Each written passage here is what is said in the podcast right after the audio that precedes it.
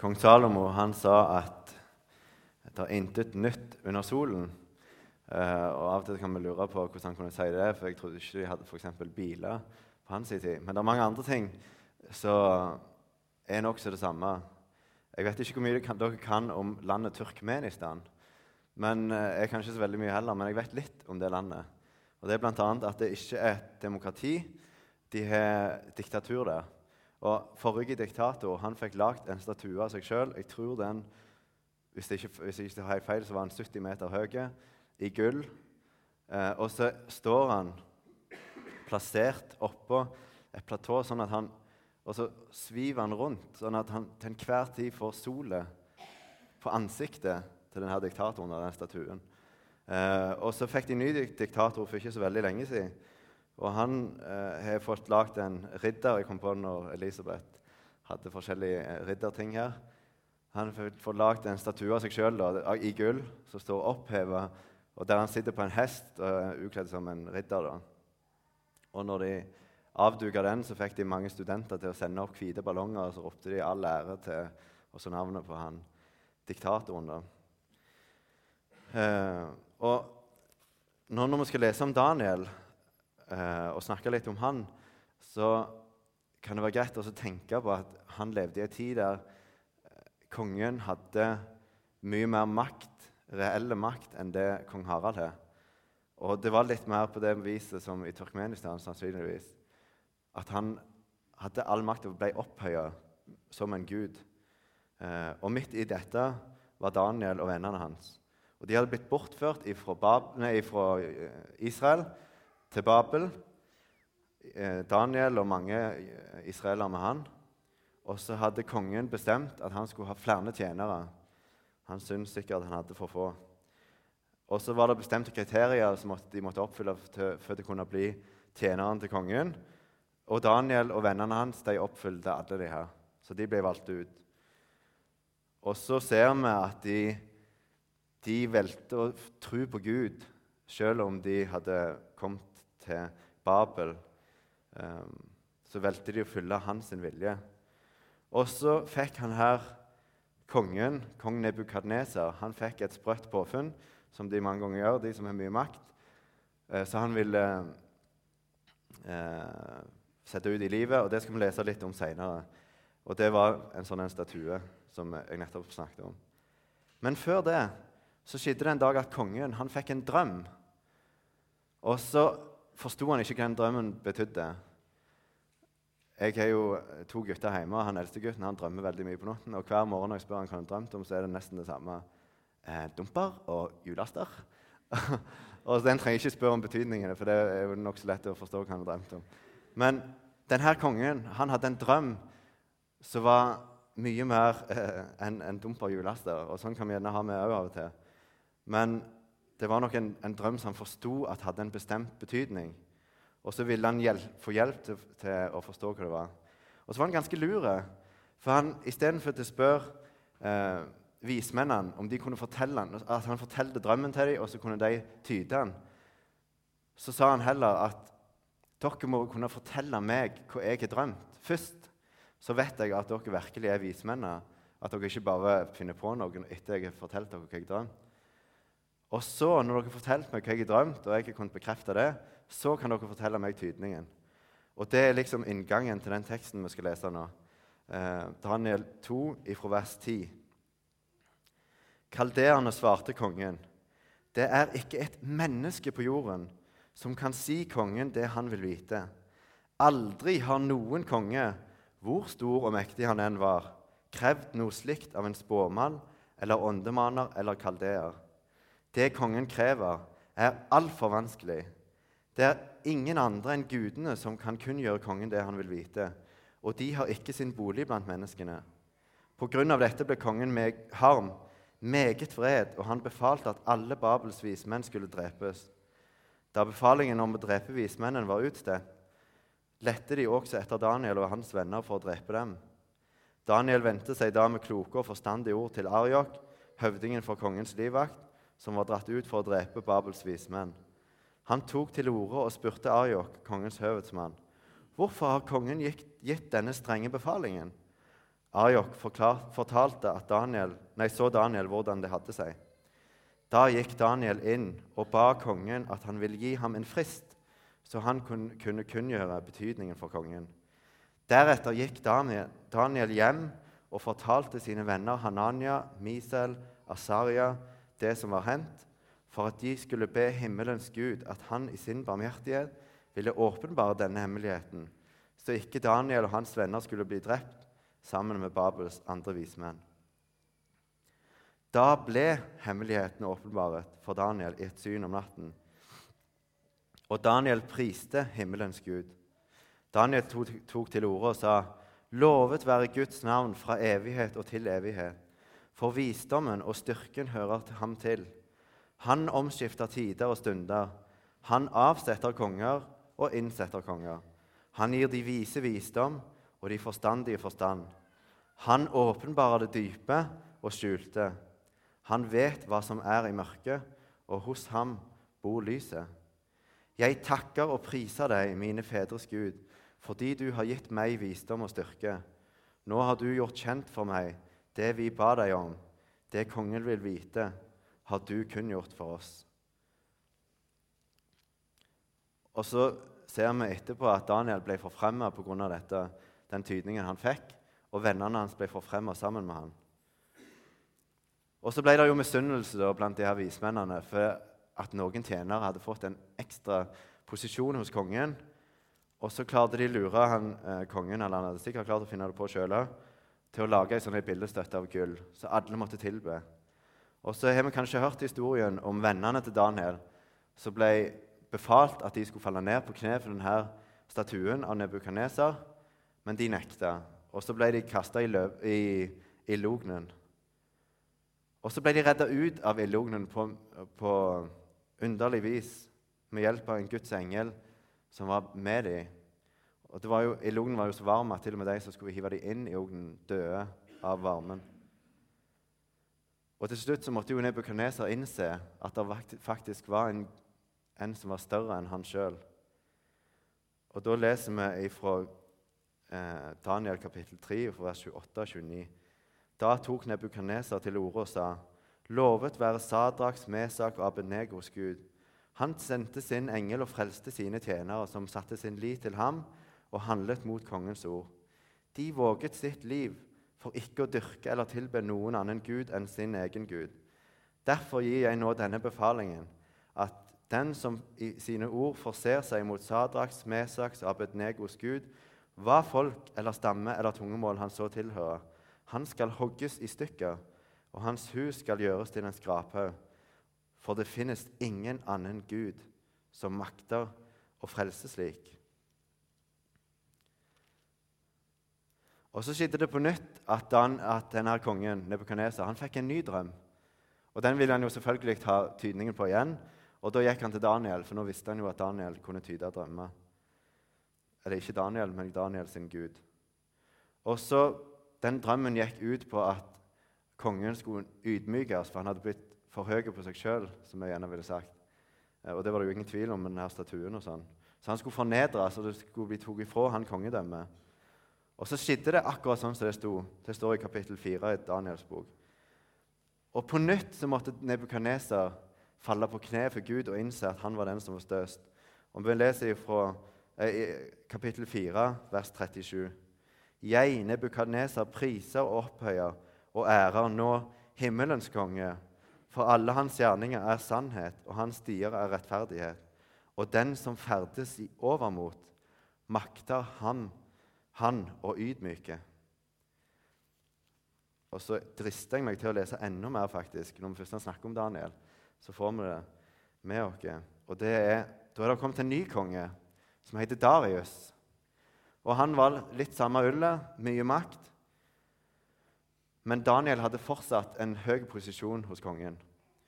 Og Det var misunnelse, og de fikk, fikk, det til sånn igjen at i 30 dager så skulle ingen ha lov til å tilbe eller be til noen andre enn kongen. Det var de andre tjenerne som fikk det til sånn, for de så at det var den eneste måten de klarte å finne en feil hos Daniel. Hvis de, hvis, hvis de fikk ta han på fersk gjerning i å tilbe eh, Gud sånn som han gjorde. Og så sendte, ut, så sendte, kongen ut et skriv som sa at sånn og sånn måtte dere gjøre. Tilbe meg. Hvis ikke så blir dere kasta i løvehulen. Og så leser vi fra Daniel 6, 11. Så snart Daniel fikk vite at skrivet var sendt ut, gikk han inn i sitt hus. Der hadde han i sin sal åpne vinduer som vendte mot Jerusalem. Og tre ganger om dagen bøyde han sine knær med bønn og lovprisning for sin Guds åsyn, aldeles som før han hadde gjort. Og så 17. Kongen befalte da at de skulle hente Daniel og kaste ham i løvehullen. Og kongen tok til orde og sa til Daniel.: Din Gud, som du stadig dyrker, måtte han frelse deg. Og så ifra 20. Tidlig om morgenen, så snart det lysnet, sto kongen opp og skyndte seg til løvehullen. Da han kom nær til hulen, ropte han på Daniel med sorgfull røst. Han tok til orde og sa, 'Daniel, du den levende Guds tjener, har din Gud, som du stadig dyrker, maktet å frelse deg fra løvene? Og da svarte Daniel, kongen lever evig. Min Gud sendte sin engel og lukket løvenes skap, så de ikke har gjort meg noen skade. For jeg er funnet uskyldig for ham, og heller ikke mot deg, konge, har jeg gjort noe galt. Deretter skrev kong Darius til alle folk etter og tungemål som fantes på hele jorden. Fred og framgang for alle. Jeg gir hermed det påbud at alle folk i hele mitt kongerikes område skal skjelve og frykte for Daniels Gud. For han er den levende Gud og blir i evighet. Hans rike ødelegges ikke, og hans herredømme varer inntil enden. Han frelser og utfrir. Han gjør tegn og under i himmelen og på jorden. Han som frelste Daniel fra løvenes vold. Da har jeg lest eh, det jeg skulle lese fra Daniel.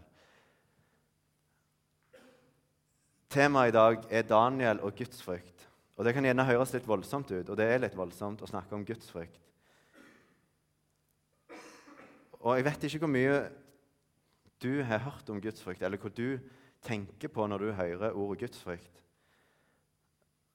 Men eh, jeg kom fra en sammenheng, jeg er vokst opp i en sammenheng der gudsfrykt gjerne ble framheva mer enn kjærlighet i forhold til Gud. Og så er det mange plasser nå der det er motsatt der du hører om en kjærlig Gud, og så hører du kanskje ikke om gudsfrykt. Og så kan vi gjerne tenke at det er greit, for eh, hva er egentlig gudsfrykt? Og hva er sammenhengen mellom gudsfrykt og frykt? For det at vi ser I Bibelen så vet vi at det står mange plasser 'frykt ikke'. Og Her så vi at kongen, kong Darius han, han eh, ga det påbudet om at alle måtte skjelve og frykte for Daniels gud. Er det, rett, er det rett det, at folk skulle frykte Daniels gud? Hva står det egentlig i Bibelen om gudsfrykt? Eh, allerede i 5. Mosebok, eh, kapittel 6, vers 1, og det står nok før det òg Det er rett, rett, etter Gud hadde gitt budene, så sier Gud at Israelsfolket skulle frykte Gud. Og Senere står det du skal elske Herren din Gud av hele ditt hjerte. Så allerede i Mosebøkene står det at du skal frykte og elske Gud. Ikke bare elske, men frykte. Og så kan vi tenke at det kanskje er ja, ja, men det Gammeltestamentet. Der var det mye fryktelige ting som skjedde. Og det er jo sant. Hvis vi leser Gammeltestamentet, så kan du bli rysta mindre. Eh, og det er veldig fjernt ifra det vi sitter her i misjonssalen og går på møte, og mye av det som skjedde der. Så kan vi tenke ok, Gud var sånn da. Da skulle de frykte han. Men i Nytestamentet så står det faktisk ganske mye om gudsfrykt der òg. Eh, en av bøkene som står mest om det, kanskje, er Timoteus. Paulus skriver et brev til Timoteus, og så sier han eh, bl.a. i kapittel 4, vers, vers eh, 7.: Men vis fra deg de vanhellige og kjerringaktige eventyr. Øv deg heller i Guds frykt. Og så står det òg eh, i vers 8.: For kroppslig øving er nyttig til lite men Guds frykt er nyttig til alt. Den har løftet både for dette liv og for det som kommer. Og I kapittel 6 der står det ja, gudsfrykt med nøysomhet er en stor vinning. Og men du, Guds menneske, fly bort fra alt dette og jag etter rettferdighet, gudsfrykt, tro, kjærlighet, tålmodighet og mildhet. Så Vi ser at i Nytestamentet jeg kunne vel eh, nevnt mange andre plasser. Peter snakker om det, og, og, snak, og Jesus snakker om det sjøl. At vi skal frykte Gud. Guds frykt. Og så Samtidig så ser vi at f.eks. i Jesaja 41, vers 10, så står det eh, at du skal Frykt ikke, for jeg er med deg. Se deg ikke engstelig om, for jeg er din Gud. Jeg styrker deg og hjelper deg, holder deg oppe med min rettferds høyre hånd. Han holder dere i den høyre hånda. Vi skal ikke frykte. Og Engelen sa det til Maria når hun fikk beskjed om at hun skulle eh, føde Jesus. Frykt ikke, sa, sa Jesus da. Og når, når eh, sa engelen. Og når Jesus hadde stått opp ifra de døde, og folk ble litt forskrekka for kan det virkelig være Jesus, så sa han 'frykt ikke'. Og det ser vi om igjen og om igjen. Frykt ikke. Og hva er da sammenhengen her? Eh, før jeg sier noe mer, så tror jeg jeg rett og slett vil fortelle en vits. Jeg, jeg eh, var i Forsvaret et år, førstegangstjenesten, og da satt jeg inne i fjellet på Jåtta eh, og var radiomann. Og da var det sånn at Jeg snakket med Kystvakten, og, og du hørte ti radioer i ett kjør. så Måtte sitte og følge med om noen plutselig kalte opp. Um, og denne vitsen går ut på at, at det skal være liksom en offentliggjort samtale mellom eh, den amerikanske marinen i radiosambandet. da. Og så er det en som sier Vær vennlig og endre kursen din 15 grader nord hvis ikke krasjer vi. Og så svarer den andre nei, endre heller kursen du 15 grader sør, som ikke krasjer. Så var det altså to som begge var stae, tydeligvis. Og så sier den første igjen jeg er altså et amerikansk krigsfartøy. Du bør flytte deg, endre kurs. Så sier den andre igjen nei, jeg vil ikke det. Du må endre kursen din. Og så sier den første igjen jeg er altså et amerikansk hangarskip. Det er jo vanvittig store skip. Du bør endre kursen din. Og så sier den andre igjen dette er et fyrtårn. Din tur.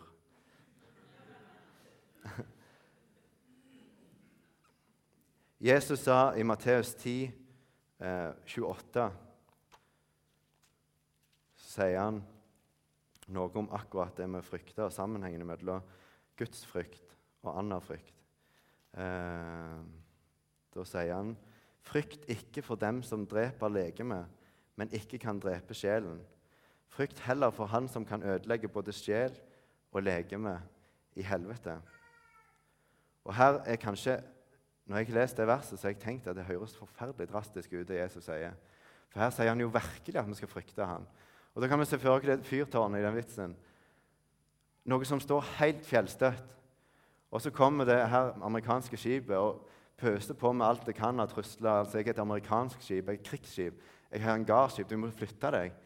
Jeg har våpen, sikkert jagerfly alt mulig på. Du bør flytte deg. Og så hjelper det ingenting mot fyrtårnet.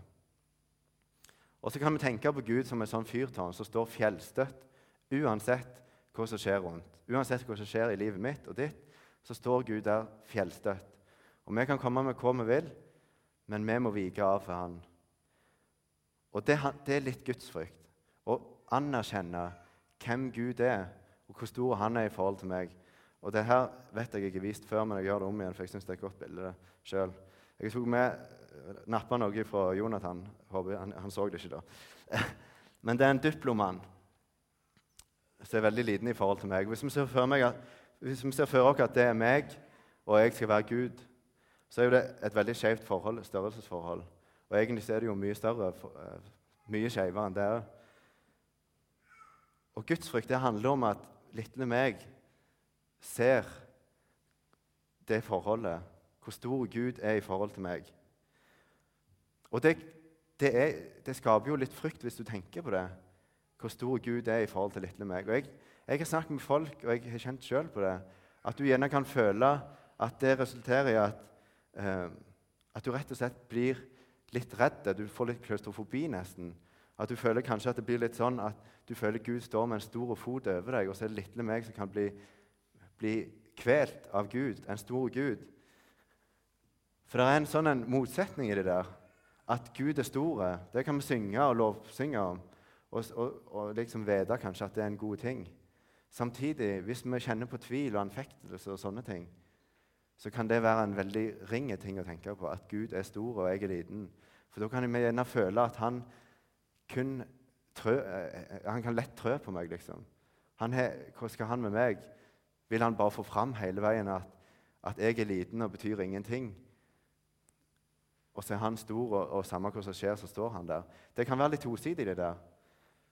Og Derfor så syns jeg det er litt greit å snakke om gudsfrykt, for å forstå linken akkurat imellom det. For, for, det kan være en sånn veldig eh, vanskelig tanke, det. Gud er stor, og så er jeg liten. Og Er det en god ting da at vi skal frykte Han? Skal vi være redde Gud fordi han er så stor? Og Her er forskjellen eh, kommer fram når vi ser på Daniel. For Jeg vil våge å påstå at Daniel han var kanskje en av de mest gudfryktige personene som vi leser om i Det gamle testamentet. Og hva, betyr, hva legger jeg i det? Jo, vi ser på måten Daniel responderer på, på ting som møter han i livet. Hva han gjør med en gang. Blant annet så leste vi i Daniel kapittel skal vi se, 6, var det vel gjerne. Uh, der står iallfall at med en gang Daniel fikk høre at han skulle falle ned på kne og tilbe kongen, står det straks gikk han rett hjem og tilba Gud, akkurat sånn som han hadde gjort før. Og Det ser vi òg når han fikk den beskjeden om at han skulle tyde drømmen første gangen.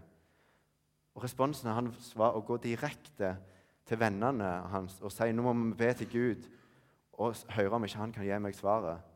Og så fikk han svaret. Og så ser vi at den gudsfrykten til Daniel den gjorde ikke at han, ble, han, han var redd, men det ga han en trygghet. Han visste nøyaktig hvem han skulle gå til. Den store Gud som kan hjelpe meg. Og Så gikk han til han, og så ser vi at han fikk svar. Han fikk hjelp. Og så Den gudsfrykten Daniel da viste, den fikk en følge ikke bare for han, men også for kongen. Gudsfrykten Daniel den førte til at kongen fikk en gudsfrykt. Han måtte innrømme ingen er så store som Gud. Og så befalte han jo hele folket at de skulle tilbe Gud. Hvor mye det forandrer hjertene deres, det er jo en annen ting. Men vi ser hva det hadde å bety for Daniel at han hadde gudsfrykt. Han sprang til Gud. For han hadde sett at Gud er som et sånt fyrtårn. Samme hvor denne kongen kommer at trusler 'Jeg skal hive deg i løvehulen', eller 'vi skal kaste dere i ildognen'. Det er ingenting i forhold til fyrtårnet og Gud som står der støtt, og som virkelig er den som har all makt i himmel og på jord. Og så kan vi tenke ja, men det var jo lett egentlig for Daniel å gjøre det, for de ble jo redda, altså de hadde jo blitt redda ut av ildognen eller løvehull. Hadde jeg òg blitt gjort det, så hadde jeg jo virkelig stolt på Gud. Men utfordringen er bare det at Og sånn kan vi tenke i Nytestamentet mange ganger. Ja, men de, Jesus gikk jo rundt der, og han hjalp dem. Martha og Maria, når de kom til, til Jesus og fortalte at Lasarus var død, så kom han jo. De sprang, ja, de sprang til Jesus, men han kom jo. Men det som er litt vanskelig kanskje for dere å sette dere inn i, at det skjedde jo ikke med en gang. Når Daniel sprang rett til Gud med de her utfordringene, som møtte han, så hadde ikke han fått noe løfte fra Gud om at Gud skulle utfri ham. Og vennene hadde heller ikke det med den ildognen. De sa til og med at uansett hva som skjer, så vil vi fortsatt be til Gud. Om vi dør inn i ildognen, så vil vi ikke bøye oss. Vi går til Gud allikevel. Og det er utfordringen, at vi må ha tålmodighet. Vi går til Gud med en gang, og så er det ikke sikkert han svarer oss med en gang, men han er med oss allikevel. Og så ser vi her, eh, både for Martha og Maria, der vet vi jo at Lasarus ble vekket opp igjen fra de døde. Og vi ser her at Gud hjalp Daniel eh, når han gikk direkte til han. Gudsfrykt det virker nemlig at vi springer til Gud først med alt i livet vårt. På grunn av at vi vet at det er Han som sitter med all makt. Vi springer til Gud først. Og så har jeg tenkt litt på det som en sånn At vi må tenke på det som en far og ikke en far som vi ikke har respekt for, men, men en, en, en, stor far som vi anerkjenner at har all makt, men som vi òg vet at er god. Og det er forskjellen, det står der bl.a. Paulus òg sier det, At det er forskjellen på, på en frykt, eh, en trellefrykt og en barnekår. Vi har fått barnekår hos Gud når vi tok imot ham. Og Da er det til vår fordel at han er så stor, og at han er så mektig, for han er på vår side. Romerne 8, 31, så står det Er Gud for oss, hvem kan da være imot oss? Og så har jeg tenkt nå, Når, det har gått en del sånn debatter om, om uheldige sider med kristenliv rundt forbi eh, Ledere som kanskje ikke har vært sånn helt som de skulle Nå skal ikke jeg si noen ting om det, for jeg har ikke sett meg veldig inn i det. Men, men da har det gått litt på det at Jeg så noen skrev om det at det blir spilt litt på frykt. Eh, kanskje. Og Det er faktisk en av de alvorlige tingene med, med, det som står i Bibelen. At vi kommer faktisk ikke unna at det er et visst alvor i møte med Gud. Og Det var en av de tingene som slo ned i meg når jeg skulle forberede meg til talen i dag. Det var en, en ting som står i Hebreerne 3. Så står det i dag, om du får høre Guds røst, så forherd ikke ditt hjerte. I dag, om du får høre Guds røst, så forherd ikke ditt hjerte. For gudsfrykten, den får oss som vi tok imot han, eller skal virke sånn i oss, at vi springer rett til Gud med det som ligger oss på hjertet, og så vil han hjelpe oss. Men for de som ikke har tatt imot Gud, så skal gudsfrykten virke at vi springer rett til Han i bønn om å få ta imot Han, i bønn om tilgivelse, i bønn om å få et nytt liv. Altså Gudsfrykten skal virke for oss kristne. Trygghet. Vi har en far som står med oss. Og hvis han er før meg, hvem kan da være imot dere? Og for de som ikke tok imot han, hvis du ikke tok imot han ennå, eller hvis du kjenner noen, så skal gudsfrykten, Guds, gudsfrykten som vi som kristne òg viser, den skal virke at folk ser her er det en som virkelig har all makt. Han må jeg bøye knærne mine for. Og så Det store alvoret, da, som ikke er så kjekt å snakke om, men som allikevel er veldig viktig, det er nemlig det at Gud sier at det er tid ennå til å bøye seg for Gud. Men, men den tida, nådetida, den har en ende.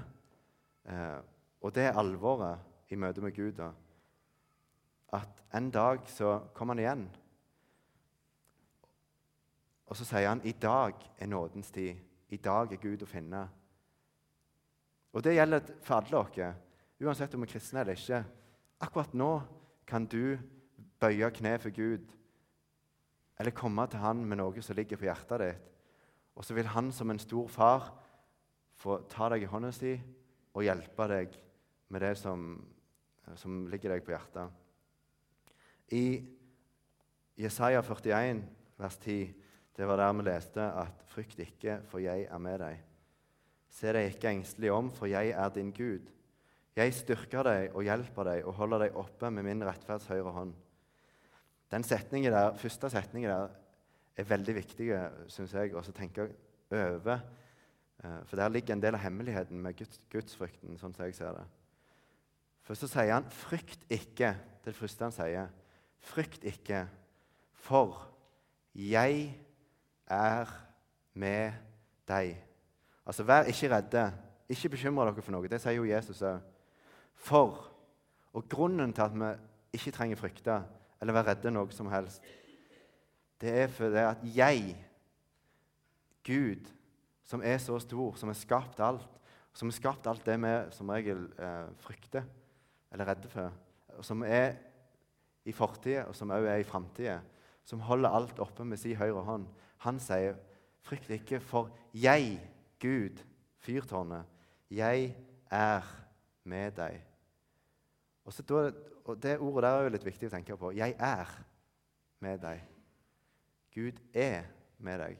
Ikke bare var han med Daniel her, eller var med disiplene i Nytestamentet, alle fascinerende historier vi kan lese. Og ikke bare var han med deg den gangen du hadde denne opplevelsen, eller den gangen du tok imot Jesus, eller i går. Men hvis du tok imot Jesus, så er han med deg nå. Akkurat her du sitter, om du sliter med å følge med, om du følger med om du, Uansett så er Gud med deg.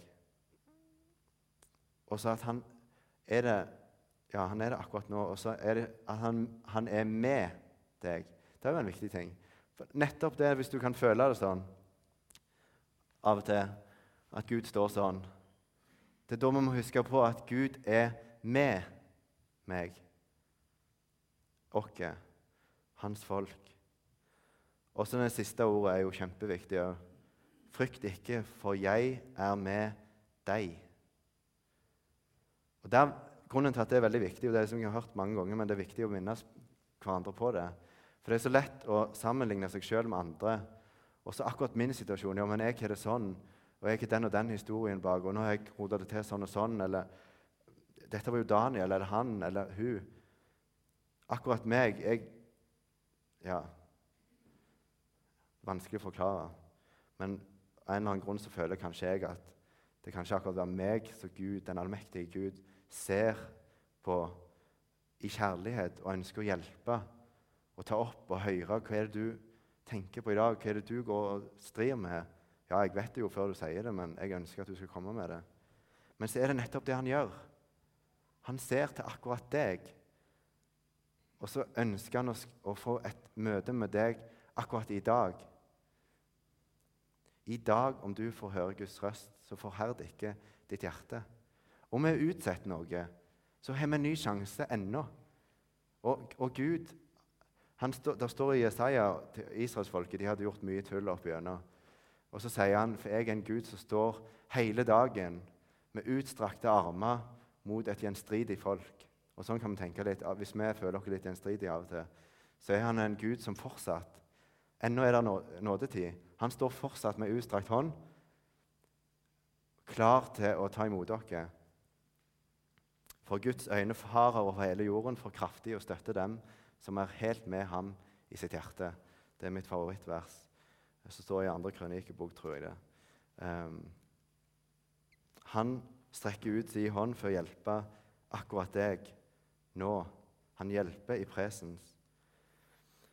Og så leste vi at Paulus sa til Timoteus Øv deg heller i gudsfrykt.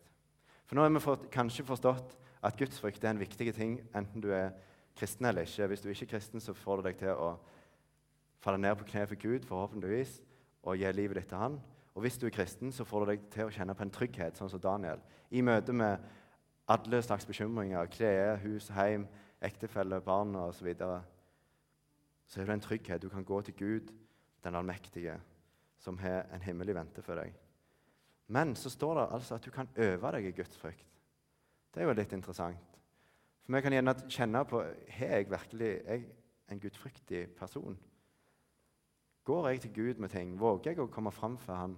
Og har er det sånn at Hvis jeg kjenner at, at jeg begynner å bekymre meg for et eller annet, eller, eller blir redd i møte med et eller annet, er det sånn at jeg går som Daniel rett til Gud, og så bretter det ut framfor Han? Kong Hiskia det var en, en konge som står om i bl.a. i Jesaja. Han gjorde det. Han fikk en trussel, en konge som kom og kringsatte byen. Og det han gjorde, Så sendte kongen et brev til Hiskia og sa nå kommer jeg og tar deg. Og så kom han med han Hiskia da, tok brevet og la det rett framfor Gud. Gud, se nå. Se hva han har skrevet. Du må hjelpe. Og Det er jo sånn ungene kommer til oss òg. Du må hjelpe. Våger vi å gjøre det? Men så står det altså at vi kan øve oss i Guds frykt. Og da tenkte jeg litt på hvordan kan vi gjøre det? Det er kanskje litt greit å, å, å tenke på. Og Da tror jeg en av, en av tingene vi kan gjøre, er jo å lese om gudsfryktige folk, sånn som Daniel og se hvordan han reagerte i møte med, med utfordringer. Og så kan vi lese om Guds storhet. Vi kan minne oss sjøl på at han er faktisk den som har skapt alt. Han er en himmel i vente. Det er et evig liv. Han har gitt sitt liv for meg. Han er for meg. Hvem kan da være imot meg? Han er som et sånn fyrtårn som ikke lar seg rikke, samme om du er et amerikansk hangarskip. Så kan vi minne oss på det, og så kan det bli lettere å ta den tanken fram når du er i en situasjon der du trenger det. Og så er det òg noe med å ta tankene til fange. Det var vel Luther som sa det, at du kan, du kan, du kan ikke hindre en fugl i å flyge over hodet ditt, men du kan hindre den i å bygge reir i håret. Og det er litt sånn med tankene at vi kan ikke alltid hjelpe de tankene som kommer til oss. Men vi kan kanskje forhindre at de får bygge reir i hodet vårt eh, og få makt over oss ta tankene til fange og avsløre løgnaktige tanker. For sånn er det jo mange ganger. Vi, vi går rundt, og så er det tanker i livet vårt som rett og slett er løgnaktige, men som vi allikevel har klart å la få makt over oss. Og sånn er vi mennesker. Men så hjelper hjelpe hverandre til å avsløre dem.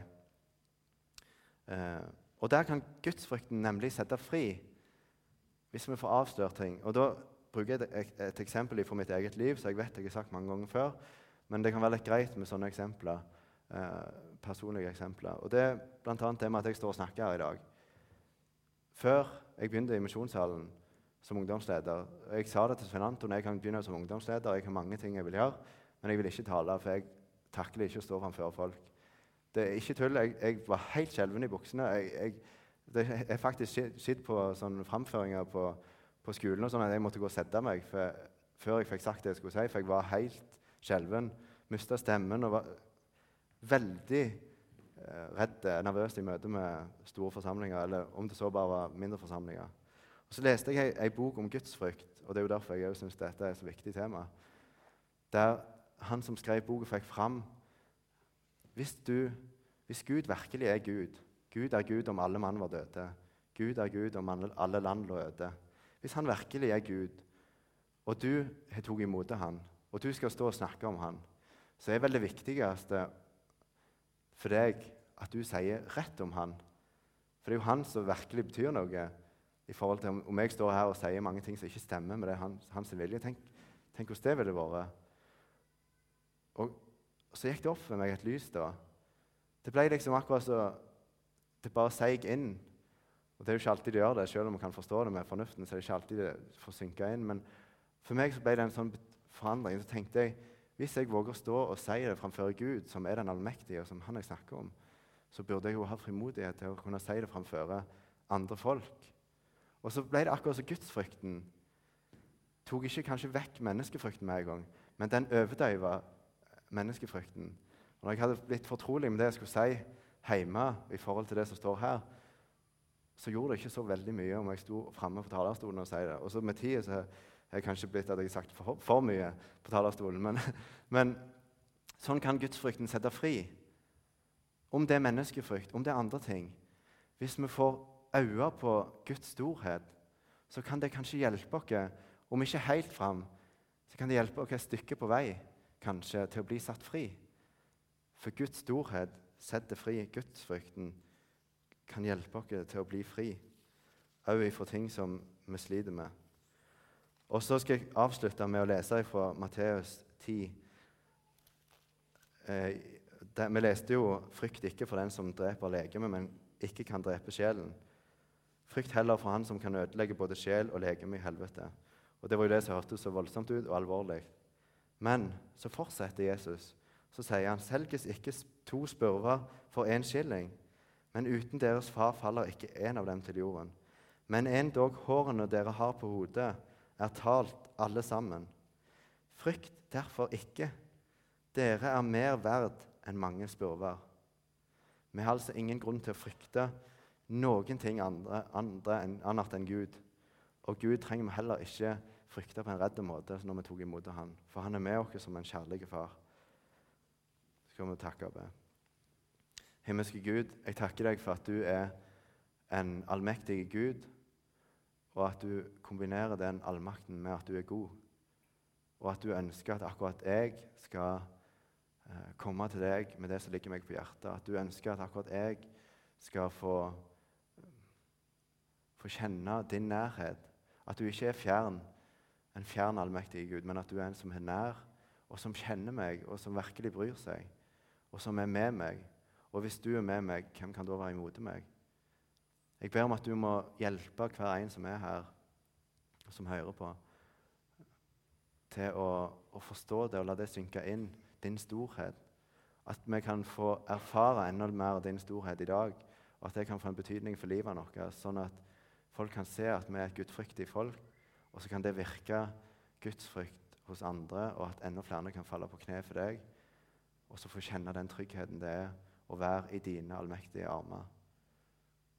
Jeg legger resten av møtet og søndagen, Sandnes og hele verden i din hånd.